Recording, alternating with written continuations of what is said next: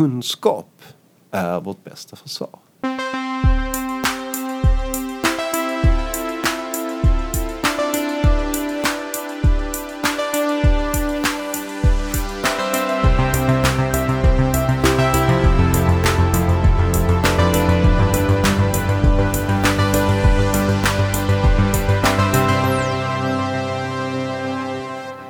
Biohacking kan hjälpa oss att bättre individanpassa sjukvård, läkemedel, rehabilitering utanför vårdapparaten.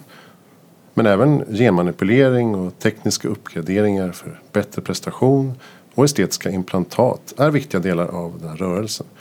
Hur långt kan vi gå och vilka risker och möjligheter kan vi förvänta oss? Och hur ska vi säkerställa att hemmalabbarna håller sig inom etikens gränser?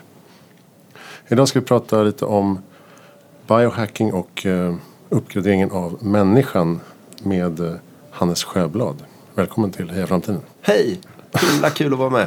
Eller tack för att vi fick komma. Vi är på Epicenter i Stockholm. Det är riktigt. Här på Epicenter i Stockholm, en hubb för digitala innovatörer, stora och små, eh, sitter vi idag och eh, omges av eh, nästa generations häftiga svenska eh, teknikstorbolag. Vi hör peppen i bakgrunden. Vi hoppas att det inte spiller in för mycket i ljudet. Vad är din roll egentligen på Epicenter? Det har inte jag fattat riktigt. Jag har ju många saker som jag pysslar med här på Epicenter så arbetar jag med eh, innehållsaktiviteter i huset. Så jag bjuder hit föredragshållare, vi gör workshops, vi gör trevliga aktiviteter för våra medlemmar. Eh, vi gör till exempel digitala safaris Eh, som är en av mina favoritaktiviteter. En digital safari handlar om att man provar ny teknik istället för att snacka om den. Och det rimmar mycket med min biohacker-etik också. För att vad vi biohackare, vi, vi tröttnade på snacket och började göra istället. Här är jag verksam till vardags och sen har jag en del andra aktiviteter också. Men eh, den här intervjun eh, gör vi väl i samband med att jag också är en av grundarna av den här eh, biohackerföreningen eh, här i Sverige som heter Bionyfiken. Där vi hittar på en massa roliga saker. Kan vi definiera biohacker då? För den Visst. som inte har hört det. Ehm, Om vi börjar med kanske begreppet hacker. eh, Så när folk hör det i gemen så tänker man ju kanske på någon eh, person som bryter sig in i datorsystem för att eh, stjäla pengar eller data eller liknande. Och vad vi biohackare, vi vill använda en mer ursprunglig betydelse av ordet hacka. För att or- originalmeningen av att hacka är ju helt enkelt att experimentera. Och om man tittar på hur datorhackare en gång började så handlade det mycket om ja, men vad händer om jag ändrar lite i koden i det här dataspelet så att min gubbe blir blå istället för grön. Det är ju ett hack. Och det behöver ju inte vara för att skada eller störa någonting. Det handlar tvärtom bara om att kolla vad som händer om. Och vad vi biohackare då gör till skillnad från eh, datorhackare är att vi experimenterar inte med hårdvara och mjukvara på datorer utan vi intresserar oss för biologiska system. Kan vi experimentera med bakterier, växter och kanske rent av människor och då oftast oss själva. Just det. Och vad, eh, är, vad gör Bionyfiken? Bionyfiken är ett öppet nätverk eh, där vem som helst kan gå med och eh, göra aktiviteter hos oss. Så det ägs inte av någon och det drivs av ett antal olika självständiga personer. Och vad vi framförallt vill vara i Bionyfiken är helt enkelt en mötesplats för alla de som är intresserade av teknik och eh, den senaste tekniken och hur, vad man kan experimentera med den. Häromsistens gjorde vi en workshop om eh, digitala tatueringar. Vi har chipimplantatparty. Vi har satt upp ett eh, labb, eh, ett riktigt labb med eh, eh vårt eh, labbsutrustning i Stockholm Makerspace där man kan bli medlem och göra experiment. Så vi är väldigt breda. Men vi har också bara vanliga kvällar där vi träffas och spånar och tar en öl. Just det. Och det här eh, kopplar på då Makers-communityt. Vad kännetecknar Makers? Makersrörelsen, det handlar ju om människor som gillar att pilla med grejer. Och eh, alltså att ja, men använda verktyg, snickra, svart, svetsa, svarva, 3D-printa, laserskära, sy eh, och för den delen då också jobba med biologiska material. Det handlar egentligen om en, det är en sorts hobbyrörelse. Precis som att vissa gillar att kicka boll så gillar en del att pilla med teknik. Och det är en stor eh, folkrörelse i Sverige. Vi har ju att vara hemmafixare har ju, är ju väldigt utbrett men vad Makersrörelsen gör är att den samlar folk som är intresserade av sånt här i, i speciella lokaler och organisationer.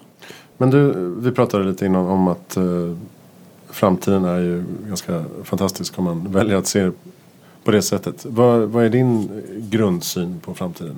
Jag tycker ju att vi lever i den mest sagolika och spännande tid som någonsin har varit. Och jag är så... Vi är lyckligt lottade som får leva idag i den här tiden när det finns så spännande möjligheter och ett sånt överflöd av idéer, resurser eh, Eh, och, och valfrihet eh, hos oss. Vad, vad man kan ägna sig åt och vad kan man engagera sig i och vad man kan försöka vilja göra skillnad inom jämfört med hur det var bara för ett par generationer sedan. Och om man då blickar in i framtiden och, och man hoppas att detta är en sorts trend. Hur makalöst kommer det då inte vara för våra barn och deras barn och med de möjligheter som kommer att stå dem till buds. För en av de allra kraftfullaste trenderna eh, som vi kan se är ju teknikens demokratisering.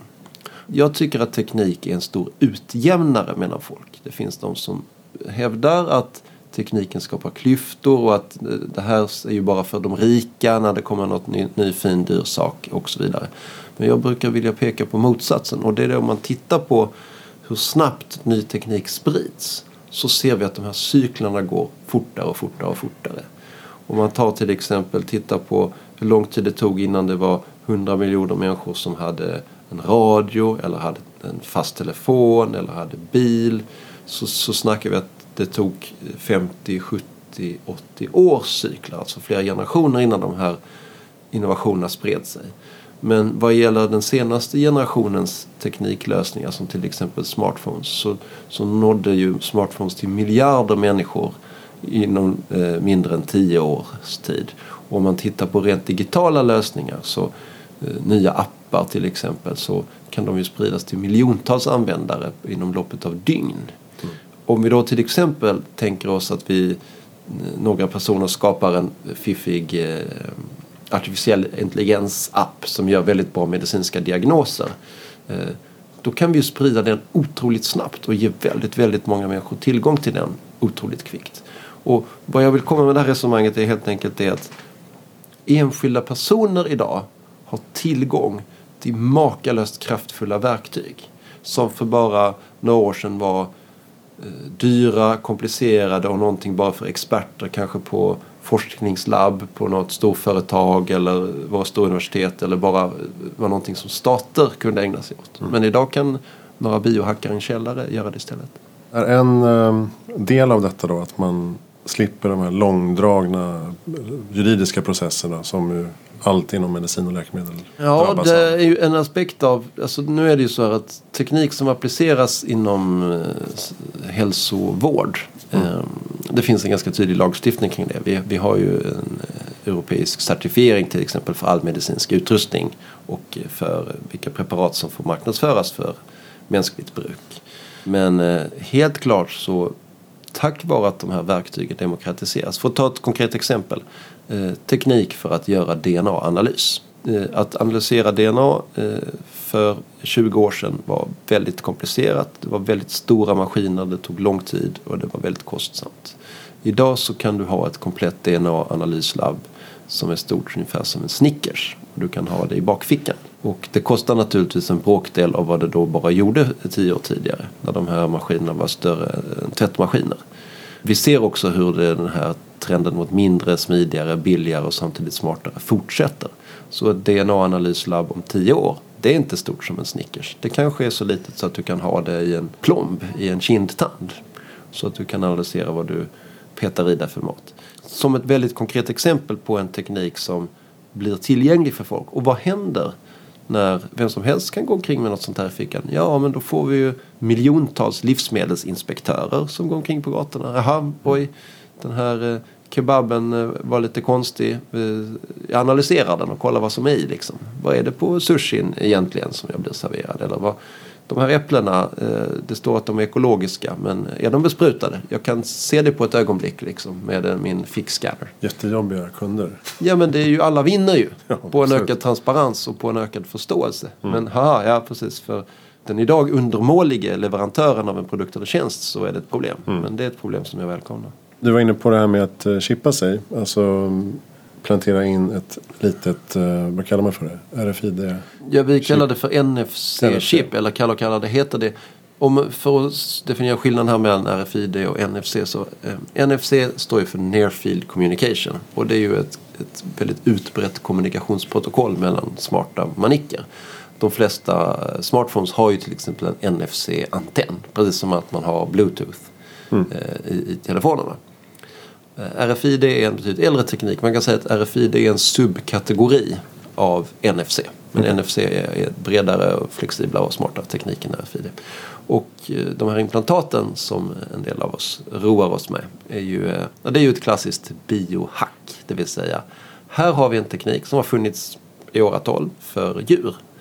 Vi har ju chippat hundar, katter, hästar i decennier med just sådana här sterila kits när man injicerar ett litet chip stort som ett riskorn i nacken på katten till exempel eller örat på, på en häst. Vad biohackarna då gör är ju att man tar så här, ja men kolla, här har vi ett chip för katter. Mm, vad händer om jag sticker det i mig själv? Och eh, eftersom vi har gjort det i så mycket djur så har vi en god förståelse för hur ett sånt här litet chip fungerar inuti en kropp. Och att det är en tämligen riskfri sak att göra. Men det häftiga är ju då vad det öppnar för interaktionsmöjligheter mot det här sakernas internet och alla de här tusentals uppkopplade dörrläsare och larmanordningar och all elektronik som vi har i våra hem och på våra arbetsplatser och bussar och stadsmiljöer. Och plötsligt så får jag en möjlighet att snacka med alla de här maskinerna på deras eget språk. För jag, min kropp kan börja prata NFC med alla de här. I dagsläget eh, i, i Sverige kanske det är främst eh, biljetter, SL och SJ och sånt. Men Ja, sen kommer ju betalningar. Ja, det är helt riktigt. Det finns ju ett antal eh, baseline-tillämpningar för sådana här chipimplantat idag. Man kan ha det för att eh, göra en hel del saker i förhållande till sin telefon. Man kan låsa upp telefonen istället för att slå pinkod. Man kan lagra sitt visitkort eh, på handen. Så om någon sveper med telefonen över mitt chip så får de mitt visitkort eh, uppladdat i telefonen. Ja. Lite kul. Så man kan ju programmera det där chippet själv. Helt enkelt bara med en app på telefonen. Och bortanför det så kan man ju använda de här chippen för att ersätta då mycket av det man bär i plånboken. Till exempel nyckelbrickor och sådana här eh, plastkort till olika saker. Så jag har ju ersatt då nyckelbrickan för att gå ut och in här på Epicenter. Och de använder vi också för konferensrum och eh, skrivare och larm och annat sånt där. Plus då till exempel att gå på gymmet eller andra ställen när man har sådana här, ni vet, klubbmedlemskap i butiker. Då blippar jag bara min hand på läsaren i kassan istället för att jag ska rota runt i plånboken eller väskan efter en massa, det rätta plastkortet. var sitter det någonstans? Mitt chip sitter här i tumvecket. Eh, I den här mjuka huden mellan pek och eh, finger och tumme på min vänstra hand. Så det är ett rätt fiffigt ställe för att eh, om man har det längst ut på sin hand så kan man ju använda det på allehanda läsare. Plus att eh, man kan använda både fram och baksidan av handen i olika vinklar. Så att, eh, det är vår eh, lärdom efter att ha chippat. Jag har varit med och chippat ett, många hundra personer. Det här är det stället som funkar eh, bäst. Är det, är det riskorn? Ja, chippet Stort. är stort som ett riskorn. Det är, själva chippet är betydligt mindre. Men sen ligger det inuti en kapsel av en sån här biokompatibelt keramiskt glas. Som eh, kapslar in det och som gör att kroppen i praktiken ignorerar det här lilla chippet. Och det, är liksom, Men hur säkerställer man att det chippet inte blir hackat? ja, det är ganska enkelt att hacka de här chippen. Jag arbetar ju då, vilket jag gärna klargör. Jag jobbar ju inte för något chipföretag. Jag tjänar inga pengar på eh, att någon chippar sig. Det finns det andra som gör och det, de gratulerar jag.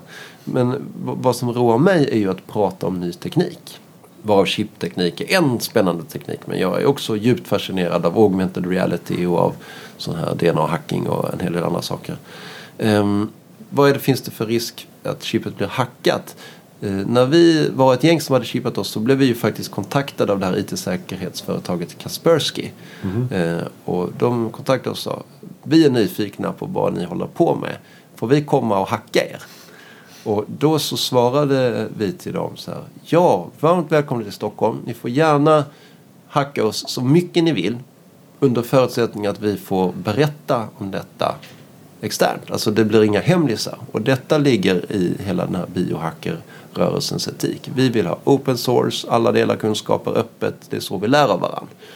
Ehm, och så då, det finns på Youtube några roliga videos från eh, när de eh, var här. Och så kom vi ihop ett, oss ett gäng biohackare och så intervjuade de oss i turordning. Vad gör du med chippet? Vad har du styrkor och svagheter?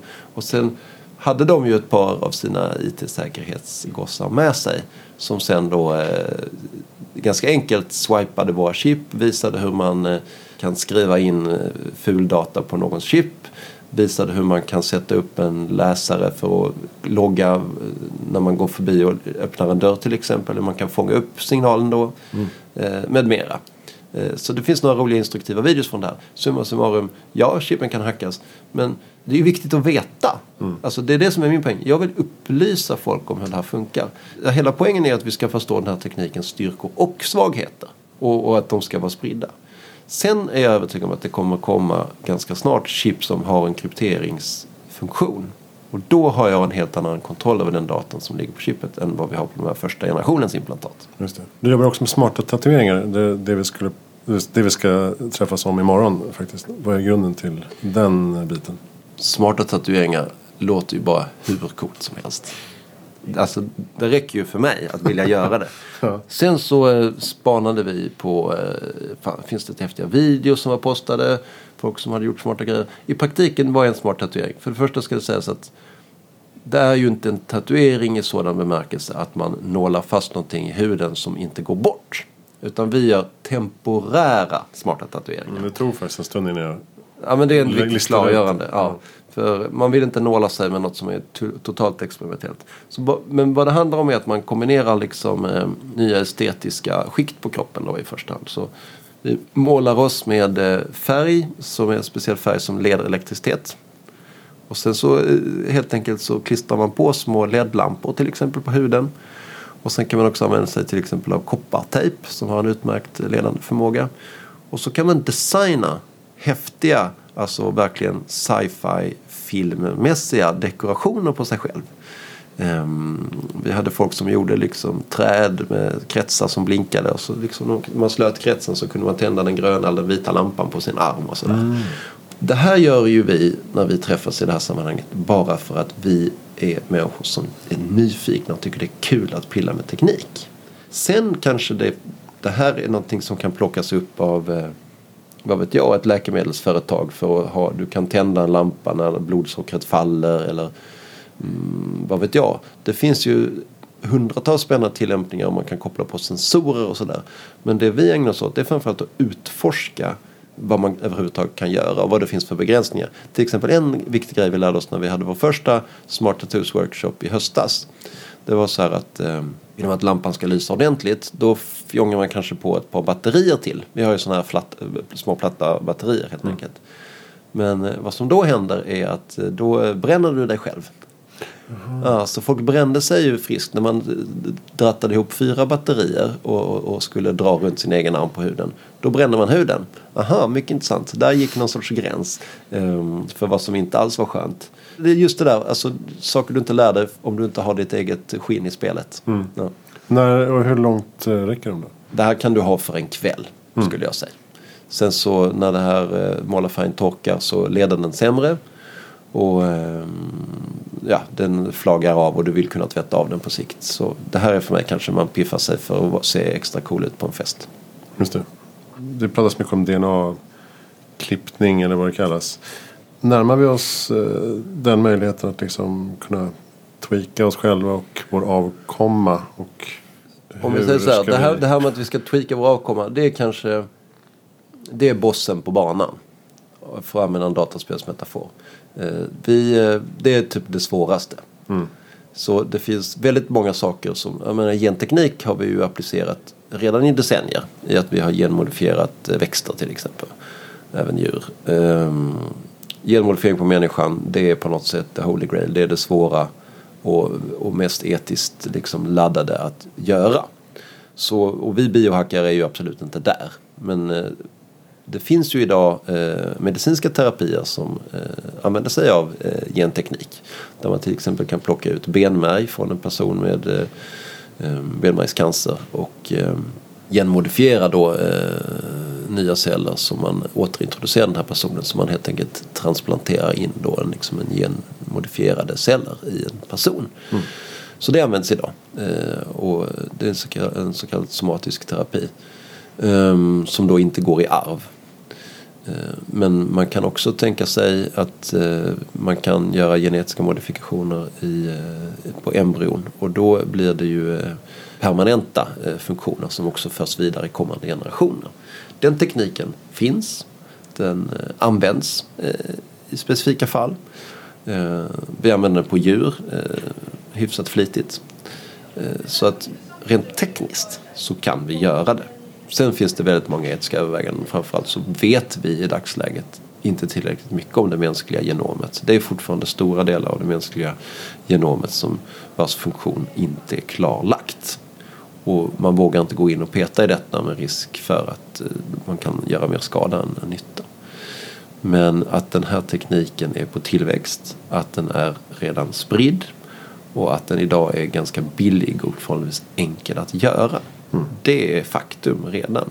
Och därför menar jag att biohackerrörelsen fyller en jätteviktig folkupplysande syfte i förhållande till den här tekniken. För om, vi, om den här tekniken förändras så fort och är så otroligt kraftfull som den är så eh, kan vi inte tillåta oss att det bara är i händerna på ett fåtal experter, på några vitrockade forskare på ett labb någonstans. Utan jag menar att det är väldigt viktigt att det finns en demokratisk förståelse för vad man kan göra med de här verktygen. Hos vanligt folk, eller folk på alla befattningar och beslutsroller i samhället. Mm. Och vad jag då brukar vilja göra som eh, praktiker är att då säga, vill du fatta DNA-teknik? Ja, då kanske inte det första man gör är att man beger sig till ett labb en helg för att liksom påta i bakterier. Men eh, analysera dig själv då. För alla människor har någonting att lära av att analysera sitt eget genom. Det är för mig en no-brainer att göra. Och eh, man kan få massa intressanta hälsoinsikter eh, om den här tekniken. Och, då, och det ger liksom en, en äkta glimt in i den här teknikens möjligheter. Hur ska man då säkerställa de här etiska aspekterna? Eh, Biohacker-communityt är väldigt strikt på, det, på den fronten. Men mm. det finns ju säkert avarter och subgrupperingar som kanske lite mer experimentella. Hur, jag kan säga att det även inom biohackerrörelsen finns högst kontroversiella aktörer. Mm. Eh, standard för de här, det finns ju sådana här våtlabb eller medborgarlabb i hundratals nu eh, runt om i storstäder runt om i, i, i världen. Många av dem, däribland vi, har ju en sån här Code of Ethics som vi antar. Där vi till exempel klargör att i det här labbet så pysslar vi absolut inte med liksom droger. Vi pysslar inte med någon typ av illegala aktiviteter. Vi pysslar inte med sjukdomar. Eller vektorer för sjukdomar. Eh, och så vidare. Men eh, vad jag vill säga i det sammanhanget är också att precis som att idrottsrörelsen är en fantastisk positiv fostrande kraft för en massa svenska ungdomar där man samlas kring ett intresse eh, och i det sammanhanget lär sig goda värderingar som till exempel fair play och liksom artighet mot motståndarna och, och så vidare. Och att det, det är liksom starka kulturbärande institutioner. Mm. Eh, och som fostrar eh, liksom massa människor i, i goda samhällsvärderingar. Så menar jag att biohackerrörelsen har en liknande roll att fylla. I så mått att om nu tekniken ändå finns, är det bättre att det sitter ensamma människor hemma i sina egna hus och lägenheter och gör experiment? Eller är det bättre att vi samlas i ett labb, delar på resurser, lär av varann, inspireras av varann och har goda förebilder. Men den här sortens projekt tycker jag att du ska satsa på istället för att man ska göra det isolerat. Är du med? Genom att göra det socialt så, så vinner vi mycket liksom som, eh, som en värdering och som en rörelse. Och det är det jag tänker när jag tänker eh, tekniken finns och vi kan inte bara vara passiva och stoppa huvudet i sanden utan vi måste möta den från samhällets sida och säga att okej, okay, biohackerrörelsen utbildar en massa folk häftigt om eh, bioteknikens möjligheter. Mm. Och det, det behöver vi då. Du, var, du kom in med det på, på drogproduktion till exempel. Mm. Det kommer ju vara väldigt enkelt att tillverka sina egna syntetiska droger förmodligen. Alltså faktum är att biohackandet förändrar inte det. För drogproduktion är ju egentligen mer en kemisk process. Mm. Och det, menar, det kan ju ha väl kriminella eh, kokat droger i sina labb i, ganska länge redan. Va? Mm. Vi, vi, har väl alla sett Breaking Bad eh, på Netflix och hur, hur, hur, det skulle kunna gå till. Men vad biohackingen eh, gör är ju att den jobbar med levande organismer. Så vad man tänker där att producera droger där är kanske nja, Eh, Eh, det är väl kanske framförallt risken då för att folk skulle producera liksom farliga sjukdomar. Att man muterar något influensavirus. Och så Nu, är det, nu är det inte så enkelt som det ibland kan låta. Och vad jag brukar säga eh, i det sammanhanget. Vad folk säger till mig, men är det verkligen vettigt att vem som helst får lära sig hur man eh, genmodifierar liksom, eh, bakterier. Då brukar jag vilja säga så här, tänk er oss scenariot att eh, några bad guys liksom eh, skapar ett eh, läskigt virus och släpper ut i tunnelbanan. Vad är vårt bästa försvar mot det? Är det att vi alla hålls i okunskap? Eller är det, tänk om det i samma tunnelbanevagn sitter tio stycken personer som råkar ha en DNA-analys-manik-app eh, i, i, sin ficka. Och på ett ögonblick kan identifiera den här vektorn, ladda upp den och eh, börja dela lösningar. Mm. Ja, det är ju vårt bästa försvar. Kunskap är vårt bästa försvar. Jo, man pratar ju om eh, att eh, människan håller på att närma sig någon slags eh, 2.0 eh, stadie nästan. Eh, eller inom mm. möjligtvis det här århundradet i alla fall. Mm. Hur ser det, du på den saken? Är, kittlas du av tanken på att vi alla kan tweaka oss på olika sätt? Eller? Ja, jag tycker att det är en högst rimlig förväntan. Om vi börjar från början lite sådär idéhistoriskt. Jag tycker om att, att, att vara filosofisk kring de här frågorna. Så är det ju så här att eh, människans civilisatoriska utveckling har ju gång på gång varit vad ska man säga, lektioner i ödmjukhet. Mm. Eh, ursprungligen så, så var det vår uppfattning som, som civilisation att vi var skapade i Guds avbild och vi var eh, skapelsens krona. Men sen, och universums centrum på alla sätt. Sen kom eh, Copernicus och, och Galilei och visade att det var inte alls allt som snurrade kring jorden. Eh, och då fick vi revidera den uppfattningen att vi var universums centrum. Och sen kom Darwin eh, med flera och visade att vi kanske inte alls var skapade till Guds avbild utan att vi har utvecklats från amöbor, fiskar och, och, och apor. Um, vilket ytterligare petade ner oss lite från vår höga tron. Och jag menar att den här uh, insikten om, om, Homo sapiens som att vi är den bästa uh, slutgiltiga uh, liksom, steget på någon sorts utvecklingstrappa är, är ju tämligen naiv. Och, och, speciellt i det perspektivet att vi, vi, vet att det har funnits ungefär 30 olika arter av Homo på den här planeten. Homo neandertalensis, och Homo erectus med flera. Och för närvarande finns det bara en homoart som råkar då vara Homo sapiens. Men vad är det som säger att den här just 30 arten ska alltid finnas och att det aldrig ska finnas något annat. Och så fort man accepterar det som en premiss eh, filosofiskt. Okej, okay, det här gamet kommer kanske inte vara för alltid. Ja, men vad kommer sen då? Blir den mycket spännande nästa frågan. Och då, det är ju någonting som vi biohackare Eh, Eh, är nyfikna på och liksom vill försöka bidra till att utforska. Och eh, vad vi ser är ju att det finns då ett antal teknikområden som liksom påverkar eh, våra kroppar och, och våra hjärnor och hur vi jobbar. Till exempel eh, möjligheten att eh, förändra oss genetiskt och, och ge oss andra eh, förmågor. Eh, som jag ju personligen skulle tycka inte alls vore så dumt om man har det här perspektivet. Att man förstår att människan är inte perfekt. Vi är skapligt, you know, hyfsat eh, fungerande. Men eh, det finns väldigt mycket man skulle kunna förbättra. Därför att vi har blivit som vi har blivit. Det är ju mycket en följd av att vi bara har spolats fram på evolutionens flodfåra lite grann. Va? En knuff här, en knuff där. Men man, evolutionen bygger ju alltid på vad den har inkrementellt i nästa steg. Och att det finns väldigt mycket vi skulle kunna förbättra mitt personliga perspektiv på detta är ju att jag ser det som en moraliskt imperativ att vi bör aktivt arbeta för att eh, förändra den mänskliga kroppen. Jag tycker att eh, vi kan titta på några väldigt konkreta saker. Det faktum att människor åldras och dör av ålder är ju en makalös tragedi. Just när man börjar bli vuxen och klok och fatta lite om livet, då trillar man av pinnen. Mm. Hur kan vi acceptera detta? Vi, vi, vi krigar mot eh, sjukdomar. Va? Vi, vi gör allt vi kan för att bli av med malaria, smittkoppor och cancer. Men att miljoner människor dör av ålder. Det tycker jag är någonting vi bör ifrågasätta.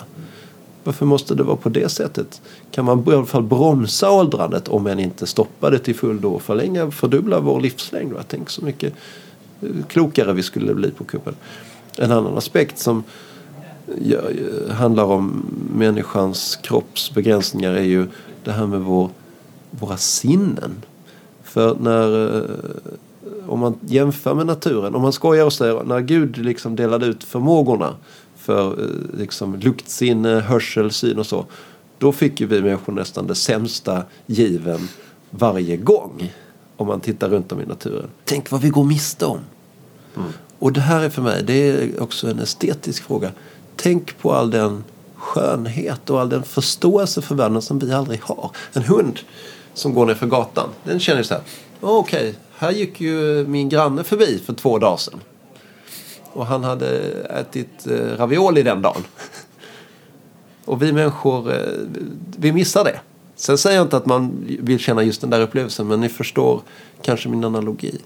Jag tror att det finns makalöst många väldigt vackra upplevelser av naturen, av musiken, av världsrymden som liksom är utestängda för oss på grund av våra väldigt begränsade sinnen. Och detta är någonting som jag personligen vill bidra till att förbättra? Vad, tänk, vad kan vi utveckla vad gäller mänskliga sinnesförnimmelser?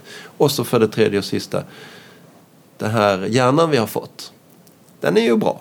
Visst, vi kan tänka rätt mycket kloka tankar och eh, visst, vi kan nog anse oss vara snäppet smartare än, äh, än en schimpans äh, på många sätt. Men det är ändå en ganska sopig anläggning vad gäller minne till exempel. Va? Och alltså arbetsminnet ska vi inte snacka om. Arbetsminnet är ju som en liten trång farstu in till långtidsminnet. Och arbetsminnet är ju i praktiken en katapult som skjuter ut nästan rubb och stubb. Det mesta du hör det är borta ur huvudet inom 15 sekunder. Väldigt få grejer kommer in i långtidsminnet. Kunde vi förbättra den processen på något sätt? Oj, vilka makalösa eh, stordåd vi skulle kunna åstadkomma som intelligent civilisation. Eh, hjärnan är ju ett eh, outforskat område på många sätt. Vad ser du framför dig där? Alltså, skulle man kunna plantera in, som du säger, starkare processer på något sätt? Mm. Minneskapacitet? Mm.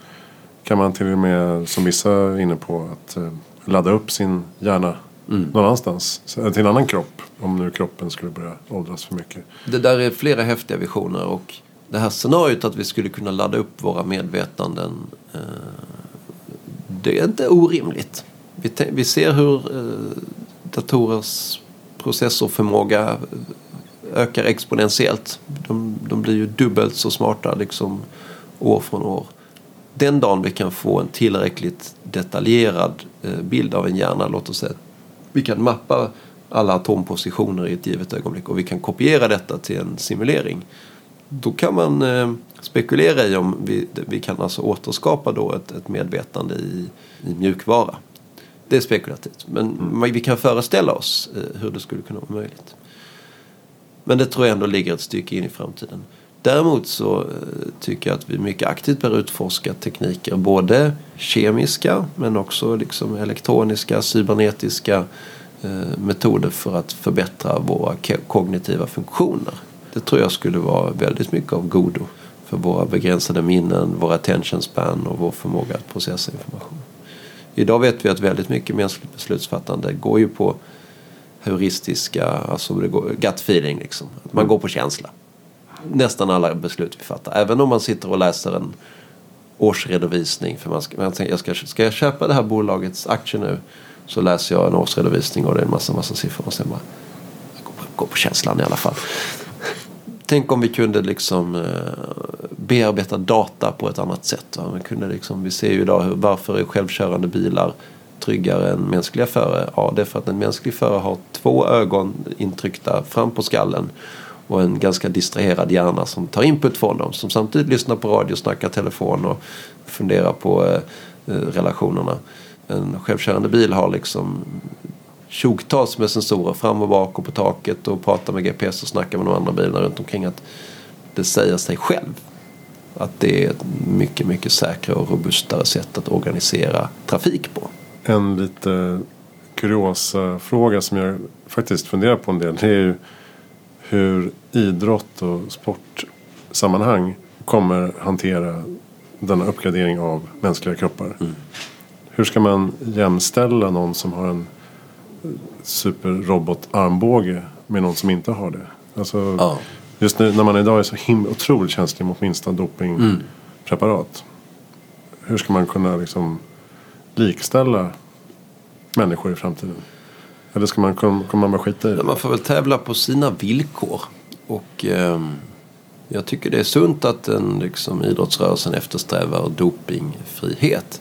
Samtidigt som vi ju har naturligt väldigt olika förutsättningar genetiskt för det ena eller det andra. Bara för att ta ett konkret exempel så har vi väldigt olika typer av muskelfibrer. Och det hänger ihop med vissa gener. Så vissa är bättre sprinters än andra. Och är det bara det som ska avgöra? Kan man ju då fråga sig. Jag ser framför mig att vi kanske får en alternativ idrottsrörelse. Kanske det var, gjordes ju ett försök till en sån här cyberthlon i, i Schweiz eh, för något år sedan. Mm. Då bjöd man in en massa människor som var rullstolsbundna eller hade protesarmar och liknande och utföra en massa tävlingsmoment. Det var ett rätt häftigt eh, initiativ. Alltså steget bortanför Paralympics där man aktivt liksom tävlade egentligen både vem som var bästa föraren av den tekniken som var inkopplad i kroppen. Mm. Eh, och jag ser framför mig att den sortens idrott kommer att bli mycket, mycket mer spännande att kolla på än traditionell eh, olympiad. Okej, okay. hur högt kan höjdhoppare hoppa? De, hoppar, de har väl kanske nått ett mänskligt maximum vid det här laget för Homo sapiens. Men tänk vad häftigt när vi börjar få människor med förstärkta ben som hoppar 50 meter upp. Och så. Alltså, det där blir ju ett jäkla mycket mer underhållande spektakel. ja. Och eh, det är vad jag kommer att kolla på istället för om de hyvlar av en millimeter eller två till på, på det vanliga höjdhoppet. Mm, det är sant. En sorts Marvel. Ja, eller hur. Det blir ju serietidningsmässigt då. Men, eh, Tiokamp. Ja, eller hur. Du pratar ofta om AR som eh, goda möjligheter om man nu ser på dagens, samtidens utveckling ja. och närmaste åren. Vad kan vi vänta oss av AR? Det har inte riktigt exploderat som man trodde. Augmented reality är ju en makalös, helt världsförändrande teknik. Med fantastiska användningsområden som skapar enastående mervärden. Alltså AR är grymt. För att vara konkret. Idag, det finns massa häftiga appar du kan ladda ner i praktiken gratis och ha på din telefon. För att göra saker som att översätta språk. Mm. Alltså hur makalöst är inte det? Skyltar till exempel. Skyltar, mm. du går vilse på stan, du förstår inte kyrilliska bokstäver eller kinesiska tecken. Då kan du översätta dem genom att hålla upp din mobil mot eller en meny på en restaurang eller motsvarande. Och det här är en superpower som människor har liksom fantiserat om i årtusenden. Nu kan vi göra det. Och det kostar inget ens. Den är demokratiserad. Och eh, det här är för mig en välståndsskapande teknik. Den demokratiserade möjliggör för en person som inte kan ett visst språk att resa utan att behöva betala en dyr guide till exempel i ett nytt land. Eh, för att bara ta det där exemplet. Andra tillämpningar av augmented reality som jag ser är ju vad gäller till exempel reparation och installationsarbeten av komplexa tekniska situationer. Jag har sett intressanta tillämpningar i industrin av AR där man går in och så har du i praktiken då ett, ett visir på dig som visar allt du ska göra. Och du behöver inte ha, du kan ha noll förkunskap. Vem som helst kan skickas in och och göra en avancerad teknisk reparation mitt i natten på ett avlägset ställe. Du behöver inte skicka dit en tekniker. Lego-instruktion nästan. Ja, och det, det kan vara helt utan bokstäver. Alltså du behöver inte ens kunna läsa och skriva. Utan du ser en hand gå fram, vrid om den röda knappen, lossa de här två skruvarna, eh, lyft ut den här delen och sätt in den nya där och så har du då ersatt den här. Om vi tar det ett mer vardagsnära exempel. Alla vi som har eh, någon gång haft strul med en tvättmaskin eller diskmaskin hemma. Va? Och man sliter sitt hår. Först måste man i någon låda någonstans har man lagt en pappersmanual. Och så ska man bläddra i den och där är finska, polska och hitan och ditan. Sist hittar man något på en mycket dålig maskinöversatt svenska om eh, hur man då ska eh, rensa filtret på den här tvättmaskinen. Ja, och så måste man ringa till någon support och annat jäkelskap dessutom. Nej, tänk då om man helt enkelt bara alla de här manualerna som idag är tryckta på papper finns som augmented reality. Du filmar bara din tvättmaskin med eh, telefonen. Algoritmen identifierar automatiskt vilken modell det är. Ah, okej, okay, det här är den och den modellen. Eh, den kan filma panelen och se vad det är för fel. Och sen ger den en helt automatisk instruktion. Okej, okay, lossa där nere, töm filtret, starta om på den här knappen. Återigen, du behöver inte kunna läsa och skriva eh, för att klara det. Det här är liksom en, också en makalös demokratisering av den här sortens tekniska färdigheter. Ska jag ta hem en tekniker för att laga en eh, diskmaskin hemma så kostar det mig 1500 spänn. Och det kanske inte ens löser problemet. Mm. Det här är bara två av många av mina favoritcase för augmented reality. Och jag hoppas få se mycket mer av AR framöver. Jag tycker också att vi hade ju det här med Google Glass för några år sedan. Precis, jag skulle komma till ja, det. Frustrerande att de mm. la ner. Om man tänker på demokratiseringsmöjligheten då. Eller hur? Att få ut det här. Det var ju en testprodukt. Ja. Nu kommer nästa generation så mycket smartare. Nu har de ju utvecklat kvaliteten i de här tjänsterna i, som i formen av mobilappar. Mm.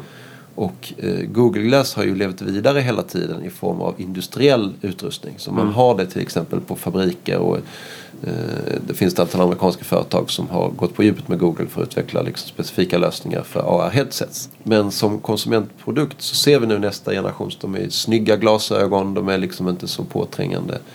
Jag är övertygad om att det här är någonting som väldigt många människor kommer gå omkring med om några år. Mm, vi pratade lite om resor tidigare och mm. där är ju typiskt sånt exempel för affärsresenären som får direkt uh, connectivity rapport och uh, ja. bokningar. Och du kan få data i, i, glasögonen inställa Hur flyg. man går till gaten. Exakt, du kan få pilar på marken. Mm. Okej, okay, du ska gå till det här mötet eller den här restaurangen eller det här konferensrummet och du ser pilar projicerade på marken framför dig. Allt det där kan vi göra idag. Mm, det är väldigt coolt. Du, du, du är engagerad i något som heter Singularity University. Ja. Vad är det för någonting? Singularity University är en utbildningsinstitution kan man säga. Ehm, som eh, grundades för ganska precis tio år sedan i Kalifornien i USA. Singularity University tillhandahåller i första hand då executive-utbildningar, korta utbildningar som handlar om den allra senaste tekniken. Jag är verksam vid Singularity som en eh, del av fakulteten där. Vi har ju satt upp en nordisk gren av Singularity University som mm. vi nyligen har lanserat.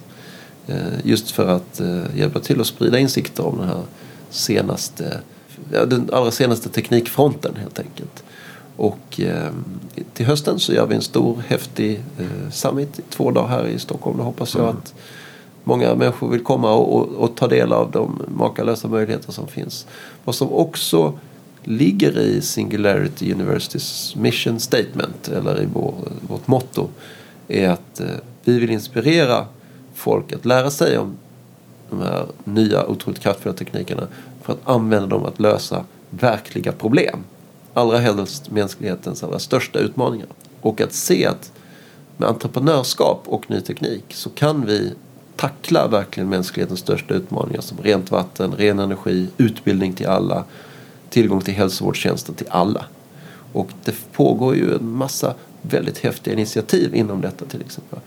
Vi kan idag med traditionella liksom, universitetsstrukturer så tar det lång tid att utbilda en massa, massa nya läkare. Men vi kan ju istället bygga riktigt smarta eh, diagnosmjukvarusystem. Eh, det finns en uppsjö av sådana idag som kan diagnostisera sjukdomar bara genom att man samlar data via telefonappar till exempel. Eh, och det här är också en jättehäftig demokratisering av hälsotjänster. Och det är sådana här saker vi vill ta upp via Singularity University. Och genom mitt engagemang i Singularity University så har jag ju blivit den framtidsoptimist jag är. Och en av grundarna till SU eh, som heter Peter Diamandis han är en mycket fascinerande man. Han, eh, han säger just det. When people ask me why I'm an optimist I tell them It's because I look at the data. Trenderna är sådana. Och Hans Rosling är ju ett positivt svenskt exempel på detta. Som berättade att vi blir ju faktiskt friskare, rikare, bättre utbildade och också mer etiska individer. Va? Vi har färre krig och mindre våld och mycket andra posi- väldigt positiva samhällsaspekter som eh, drivs fram av utvecklingen. Varför är det så svårt att nå fram med detta? I... Jag tror att våra traditionella medier de är djupt nedkörda i, i en sorts hjulspår eh, som handlar om att skildra. Det, det finns starka agendaelement i det förstås vad gäller politiska frågor men det finns vad gäller den här perversa fixeringen av olyckor till exempel som rapporteras om. Ja, nu var det en tågolycka här och nu rasade ett hus där, fem dog där. Det är liksom en meningslös kavalkad av liksom olyckor och misär. Och jag förstår att, att fler människor liksom bara stänger av den här traditionella medieflödet. Eller lapar i sig och tror att, Att världen är sådan. Värre. Ja. Ja. Och, och jag kan inte för mitt liv begripa varför man fortfarande lyfter så många av de här berättelserna. Kanske för att det blir bra tv. O, titta här är ett hus som rasade i Kina. Jaha. Vad ska jag göra åt det då? Det blir ju mer bara och sen så två sekunder senare, åh här är det någon annan olycka någonstans. Det blir ju meningslöst. Så jag själv, jag, jag har ju rätt stark mediadiet. Jag, jag, jag konsumerar ju nästan inga svenska etermedier överhuvudtaget. Det, jag, jag menar att det är rent av en hälsosam grej att göra. Att, att se över, okej. Choose your news liksom. Apropå singularity, det anspelar väl på då singulariteten som pratar om när artificiell intelligens eh, överglänser mänsklig intelligens. Ja, ursprungsbegreppet kommer därifrån. Även om Singularity University egentligen inte har alls något Nej, med SU att göra. förstår. Bakgrunden var helt enkelt den att den, av grundaren, den andra grundaren Ray Kurzweil skrev en bok som heter The Singularity is near. Och det var det som gav namn till Singularity University. Men Singularity University idag omfamnar inte den här eh, tanken på att det ska komma en teknologisk singularitet när eh, tekniken går bortanför mänsklig fattningsförmåga och så. Utan det där är Singularity University idag är mer verklighetsnära. Ja. Det handlar om att utbilda folk i att förstå de här tekniktrenderna. Det var egentligen mest en språngbräda in till en fråga om skjut, di, ja. din take på singulariteten. Ja. Min syn på singulariteten är att eh, singulariteten är ett intressant intellektuellt koncept eh, som diskussionspunkt. Vi ser en eh, utveckling där artificiella system blir väldigt mycket smartare och väldigt mycket mer kapabla hela tiden. Vi ser också att mänsklig intelligens utvecklas lite grann men väldigt mycket långsammare. Det är därför ganska lätt att föreställa sig en punkt där de här artificiella systemen får förmågor som vida överstiger de mänskliga. Vi kan ju till och med se att vi bockar av dem en efter en redan. Miniräknare var ju redan på 60-talet väldigt mycket smartare än människor på att räkna ut stora tal.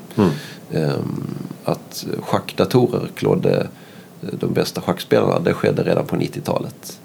Idag kan eh, maskiner eh, diagnostisera och titta på röntgenplåtar och känna igen miljontals ansikten till exempel. Vilka förmågor kommer de kunna ha imorgon? Förmodligen än mer avancerade eh, sådana. Så därför är singulariteten ett meningsfullt begrepp att diskutera i termer av vad ska vi göra och hur ska vi förbereda oss för en dag när maskinerna får så kraftfulla förmågor att vi kanske inte ens förstår dem. Min personliga syn på detta är att vi som människor står inför ett vägval. Antingen så väljer man att ja, men jag vill fortsätta vara en vanlig människa och leva det här eh, livet som jag tilldelats där jag insjuknar och dör vid 70-80. Sen loggar man ut. Eller så kan vi titta på teknikutvecklingen och se hur kan vi sammansmälta den här mänskliga erfarenheten med tekniken för att skapa bättre och längre liv och hälsa. Förbättrade kognitiva förmågor hos människan som liksom då utvecklas i takt med teknikutvecklingen. Precis som att jag laddar ner ett nytt operativsystem på datorn eller telefonen så ska jag kanske kunna göra det till mig själv. På det sättet och då ge mig själv eh, liksom, de här förbättrade förmågorna för det ena eller det andra. Det är det andra vägvalet som, som vi har som individer och som civilisation. Och mitt val är klart. Jag tar det exponentiella spåret. Så du menar att om vi omfamnar ny teknik och färdas längs med den så kan vi också sitta i förarsätet på ett annat sätt? Exakt. Alternativet är om man jämför med de dimhöljda bergens gorillor i Rwanda. De lever där uppe. Eh, de här gorillastammarna de har levt i tusentals år i den här regnskogen. De käkar lite blad och skaffar lite ungar och bråkar med några andra gorillor i någon annan flock ibland. De är inte med och kör saker och ting på den här planeten. är det en sån framtid som vi ser för mänskligheten?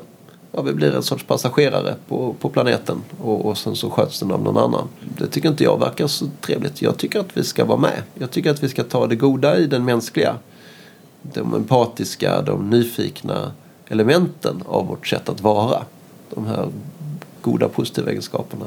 Och så ska vi förstärka dem med teknikens hjälp och eh, försöka bli av med de dåliga sidorna. De xenofoba och de kortsiktiga och de egoistiska aspekterna av, av, av vår natur som ofta har destruktiva effekter.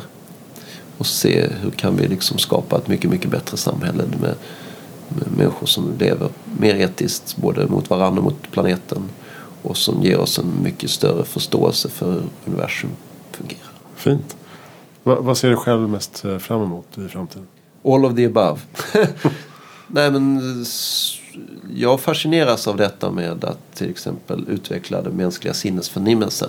Och då menar jag eh, inte alls det där med att artificiellt peta i sig någon drog för att se konstiga saker in i skallen utan att på riktigt hur gör jag för att med mina ögon se bortanför det eh, visuella spektrat som, som vi idag förnimmer? Sånt där fascinerar mig och jag är engagerad i ett antal olika projekt som pysslar med att ta fram nya idéer och produkter för just sånt där. Mm, det ser jag verkligen fram emot. Eh, vem tycker att vi ska intervjua i Heja Framtiden? Åh, det finns många kloka personer ni ska intervjua. Det beror lite på vilket ämne du är intresserad av att tackla. Om ni vill prata hälsoteknik så eh, till exempel mm. så har jag en väldigt eh, kunnig god vän som heter Henrik Alén. Honom borde ni snacka med. Han har mycket kul kunskap om vad man kan göra med ny teknik inom framförallt digital hälsa. Vill ni snacka rymd så finns det ju också väldigt häftiga personer. Mm. Eh, Karin Nilsdotter är ju en eh, förebild för många av oss och hon driver ju det här med att försöka få igång en svensk rymdindustri. Där uppe i... Eh... Ja, Esrange bland annat. Men ja. även på andra håll. Det mm, finns okay. ju andra högskolor i Sverige som pysslar med eh, farkostteknik och annat sånt där som, som skulle kunna göra saker. Så det, det är några av mina tips på personer som jag alltid tycker det är jättekul att lyssna på. Mm, mycket bra. Mm. Eh, tack snälla Hannes Sjöblad för att eh, vi fick prata med dig. Tack själv. Kul. Eh, och det når man på hannessjoblad.se eller kom. Ja, funkar. Eller både och. Eh, eller eh, på Twitter kan man alltid tjafsa med mig. Jag heter HSJOB på Twitter. Och välkomna och hoppa på mig där. Just det. Annars kan man kolla upp eh, dels Singularity University, Epicenter och eh, Bionyfiken. Mm. Och eh, kanske delta i någon av dina workshops eller föreläsningar. Varmt välkommen! vi heter som vanligt Heja Framtiden. Finns på Facebook och nu även på Instagram. Där heter vi Heja Framtiden Podcast. Jag heter Christian von Essen och vi som gör Heja Framtiden heter också Tobias Wahlqvist och Mårten Skånman. Och nästa gång är vi tillbaka med något helt annat. Tack så mycket för att du lyssnade.